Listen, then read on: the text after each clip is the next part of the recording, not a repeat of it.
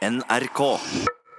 Og dermed er Fredagspanelet samlet her i Kulturnytt og i Nyhetsmorgen. Henrik Hylland Ulving, filmskaper, god morgen i Bergen. God morgen. Karen Kristine Blågestad, kulturredaktør i Fedrelandsvennen, god morgen i Arendal. God morgen, god morgen. Og Tuva Fellmann, journalist i NRK, for mange kjent fra mange P3-programmer som Verdens rikeste land og Juntafil, velkommen. Tusen takk. Vi starter med det vi akkurat hørte her, nemlig kinoreklame. Spørsmålet er ganske enkelt, og for dere som ikke har vært med før, så begynner vi altså med et ja eller nei først. Er det for mye reklame på kino? Henrik Hylland Ulving. Nei. Tuva Fellmann. Nei. Karin Kristine Blågestad. Ja, jeg sa også nei. Jeg trodde det var et spesielt svar, men det var det altså ikke. Eh, Tuva Fellmann, dem vi hørte i reportasjen, de lot til å irritere seg. Men du gleder deg fortsatt som om, om det var 1985 og du aldri hadde sett en uh, filmreklame på TV før? Altså, Jeg gleder meg med forbehold, uh, det må jeg si. Fordi jeg syns jo reklame de siste årene har blitt dårligere og dårligere. Uh, Det er kjedeligere og kjedeligere reklame. Så hvis reklamebransjen kunne liksom kicka opp et lite steg og liksom lagd de morsomme reklamene igjen, så syns jeg det er helt fantastisk på kino. Å ha den derre Du vet den godterileken hvor man Hvem sin reklame er det nå? Nei, nå er det min reklame, da får du ta godteri. Og så har man liksom sånn som man sitter og styrer med før filmen begynner. Det er dritkoselig. Men det handler jo om at annonsemarkedet krymper. At, og det gjelder jo på alle plattformer. Så så derfor blir også, det er mindre penger i reklame, de har mindre budsjetter, derfor blir de kjedeligere. Jeg skulle ønske at det var enda flere gøye reklamer. Men uh, dette med å ha uh, at noen at de kinoreklame faktisk fungerer, det tenker jeg det er jo en god nyhet. Det betyr jo at man kan, dette er mulighet til å få, få flere folk på, på, eh, til å finansiere eh, norske kinoer. Det er jo helt strålende. Blågestad, du, Ja. du fryder deg? Nei, jeg fryder meg jo ikke, men jeg syns jo det Altså, jeg jobber jo i et mediehus og eh, i Schibsted-konsernet, og jeg har jo sympati med alle som prøver å skaffe inntekter via annonser og reklame.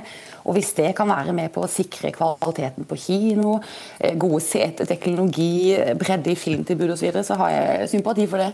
Så det syns jeg bare vi skal være glad for. Ulving, jeg, jeg sa litt sånn generelt i sted at du er filmskaper. Eh, Mange vil også vite at du tok initiativet til å være regissør av filmen om Preps og Dennis, som var eh, Amanda-nominert. Jeg var iallfall med og produserte den og skrev og klippet den.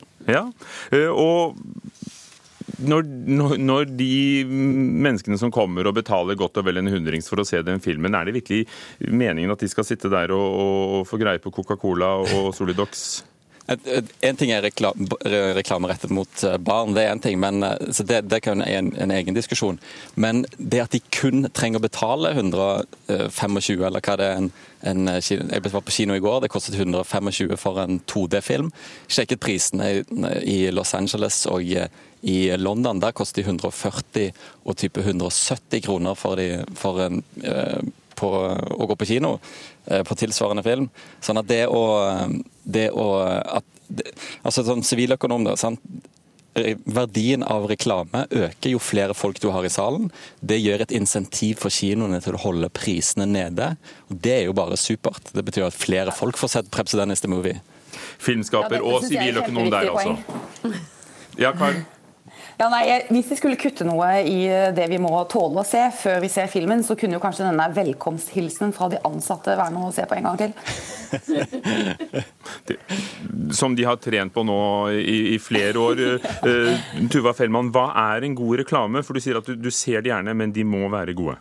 Ja, altså En god reklame må inneholde humor. Eh, Det må være et eller annet, en twist, et artig budskap. Det må være noe gøy. Og jeg- Ikke tyske skuespillere med mye sminke, altså? Eh, vet du, Det kan også nesten bli gøy, de som har de voicene hvor du hører at, eller ser at de ikke snakker norsk, men det ligger en norsk voice oppå. Det kan jo bikke over til humor, det også. Men, men eh, jeg tenker jo, altså jeg skjønner dette med at det koster penger å lage gode reklamer, men man kan jo fortsatt lage de litt smart. Det trenger ikke å nødvendigvis være så dyrt, bare litt mer gøy, da. Istedenfor bare altså nå har vi, Det er jo forskjell på kinoreklame og TV-reklame, men jeg syns jo det er utrolig mye reklame for eh, type nettkasinoer, Maria Bingo, John og Vera. Altså det er, det er så mye. Kan vi ikke begynne å reklamere for noe annet? Jeg vil gjerne bruke pengene mine på noe annet. Eh, Ulving, mange regissører slår seg inn på, på filmreklame. Er det noe for deg? Det bare var ingen som har spurt ennå, så jeg tar gjerne imot eh, hvis dette kan være en jobbsøknad. Så er det bare å komme og spørre. Dere, vi går videre. Tidligere i år var kongehuset kritiske til en reportasje i ukebladet Se og Hør, som omtalte den nye kjæresten til Marius Borg Høiby, sønn av kronprinsessen, som Playboy-modell. Slottet mente det unge paret selv ikke hadde noe ønske om å stå frem offentlig, og for halvannet år siden hadde også kronprinsessen skrevet et brev til norsk presse der hun ba om å respektere, respektere sønnens privatliv. Men denne uken er de to med i en reportasje i et av verdens mest glansede magasiner, Vogue, og viser hvordan du kan tilbringe en romantisk helg i Oslo. Assisterende generalsekretær i Redaktørforeningen, Reidun Kjelling Nybø, mener dette overhodet ikke henger sammen. Dette er jo nok et eksempel på at Marius Borg Høiby aktivt søker offentlighetens oppmerksomhet rundt seg og sitt privatliv. Og denne gangen gjør han det i et av verdens største magasiner. Da må han selvsagt også regne med økt oppmerksomhet eh, fra andre medier. Har Høiby krav på en særskilt beskyttelse fra pressen, norsk presse, så lenge han selv søker offentligheten? Karen eh, Kristine Blågestad? Nei. Henrik Hylland Ulving? Nei. Tuva Fellmann? Å nei. Og hvorfor ikke? Fordi En ting er jo å stille opp i et intervju med, i Vogue, hvor han sier at ja, kom, vi lager en fotoreportasje. En annen ting er jo å bli fotfulgt. Ja, men jeg tenker jo at dette med Vogue ble på en måte litt sånn dråpen, tenker jeg. For jeg har jo vært usikker eh, hva jeg har ment om denne saken før han stilte opp i dette intervjuet. For jeg syns jo det, å på en måte bli født eller giftet inn i en kongefamilie må jo være utrolig vanskelig, hvor alle ser på deg, alle følger på hva du driver med. Men når du søker oppmerksomhet eller stiller opp i media media på den måten, da tenker jeg, da mister man liksom retten til å si at nei, nå kan dere ikke, nå kan dere ikke eh, dekke det jeg gjør lenger. Man kan ikke velge mellom eh, avis eller blad, magasin. Du kan ikke velge hvem som skal få lov til å på en måte eh, gjøre noe på deg. da. Du, Ulving, er jo den eneste her som ikke selv er i media, hvis ikke spillefilm også er et uh, medium, da. Det er det jo. Jeg har, vært i Bergens Tidende Aftenposten tidligere, jeg må innrømme. Ja, altså ganske, ganske medietungt panel her.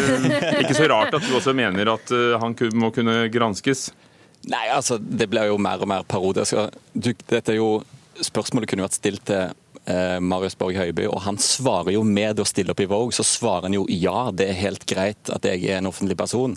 Sånn at Det virker jo mer og mer parodisk at ikke Slottet og Mar kan, kan, liksom snakke med Borg Høiby og finne ut hva er det egentlig vi ønsker å kommunisere her. For nå jeg har aldri hørt fra han at han ikke ønsker noe omtale.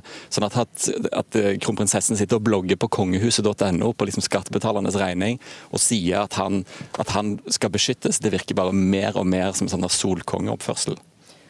Eh, ja, jeg er helt enig i det. Han, han, trekker jo veksler veldig på statusen sin og på posisjonen sin. Det er det jo ingen tvil om. Han har merke, en merkevare og et navn i kraft av hvem han er og hvem han er knyttet til.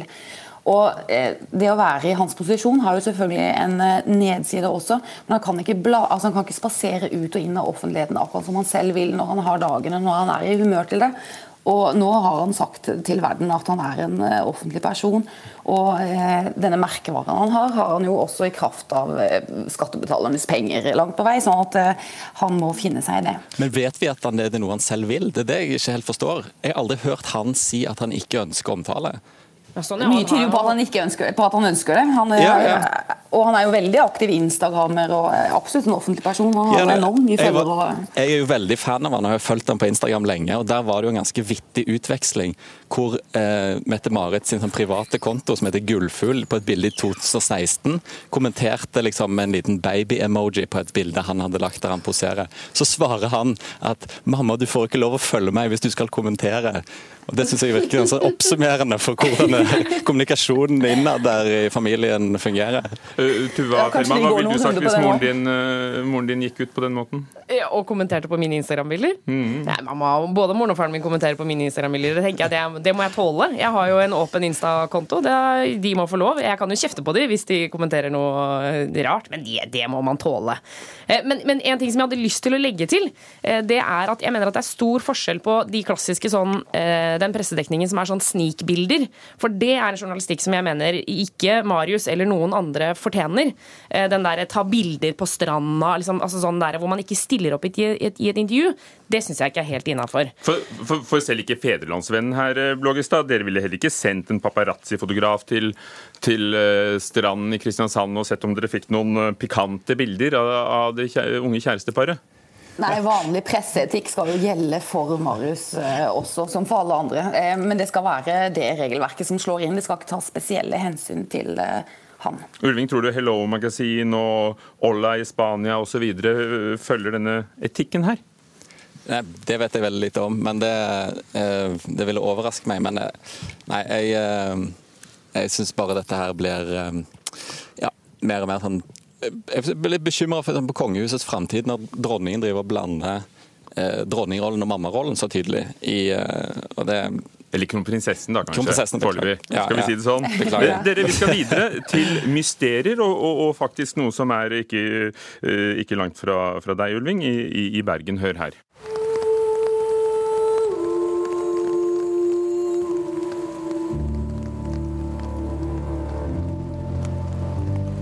This is Death in Ice Valley, an original podcast series from the BBC World Service and NRK. Mysteriet Isdalen, såkalt true crime, har vært i vinden de siste årene. Her var det fra, fra det uoppklarte drapet i eh, Isdalen, som også gikk i norsk versjon, og som vi hørte også på BBC. TV 2 viste denne uken første av ni episoder i serien Hvem drepte Birgitte?, som handler om drapet på 17 år gamle Birgitte Tengs på Karmøy i 95. Og så blir det TV-dokumentar om Baneheia-saken og drapet på Tina Jørgensen og Orderud-saken. Når det gjelder det å lage TV og radio og podkast av virkelige hendelser, går vi for langt, Tuva Fellmann? Nei. Karin Kristine Blågestad? Eh, ikke foreløpig. Henrik Hulland Ulving? Nei. Ikke foreløpig, sier du, Karin. Betyr det at det er noen fallgruber? Ja, det syns jeg jo absolutt det er. Det er en farlig sjanger å bevege seg inn i. og Det er jo ikke sånn at uh, altså det fins både dårlig uh, true crime og bedre og god uh, true crime. Det er forskjell på kvalitet der. Jeg syns jo at det må være knyttet til altså Man må vurdere det kvalitetsmessig. Er det relevant? Er det vesentlig? Har det noe nytt, altså Vil det kaste et nytt lys over en sak? Altså Litt sånn typiske journalistiske vurderinger før man går i gang med et sånt prosjekt. For det har en stor kostnad for veldig mange mennesker. Og disse sakene som eh, kan bli dokumentarer i Norge, f.eks. Baneheia-saken, det er en eh, veldig vond sak for veldig mange mennesker, så man skal tenke seg litt om. Tuva Fellmann, er det ikke fare for at vi kommer for nærme når det gjelder våre egne historier og fortid? Jo, jeg synes jo en ting som jeg syns er interessant å se, er hvordan vi, reagerer, vi, har begynt å reagere på true crime nå som det har kommet til Norge og den norske saker. For når det var liksom serial og liksom de amerikanske, så var det jo bare helt konge. Mens når det kommer til Norge, da setter vi bremsene på. Og det er jo selvfølgelig ikke så unaturlig, for det kommer veldig tett på. Og det er klart, bank i bordet, hvis jeg skulle dødd i dag, så unner jeg jo ikke moren og faren min og at, skulle, at NRK skulle lagd en true crime-serie om min død. Jeg skjønner jo at det må være helt forferdelig. Så jeg tenker at det er en veldig reell fare, og vi må være veldig forsiktige.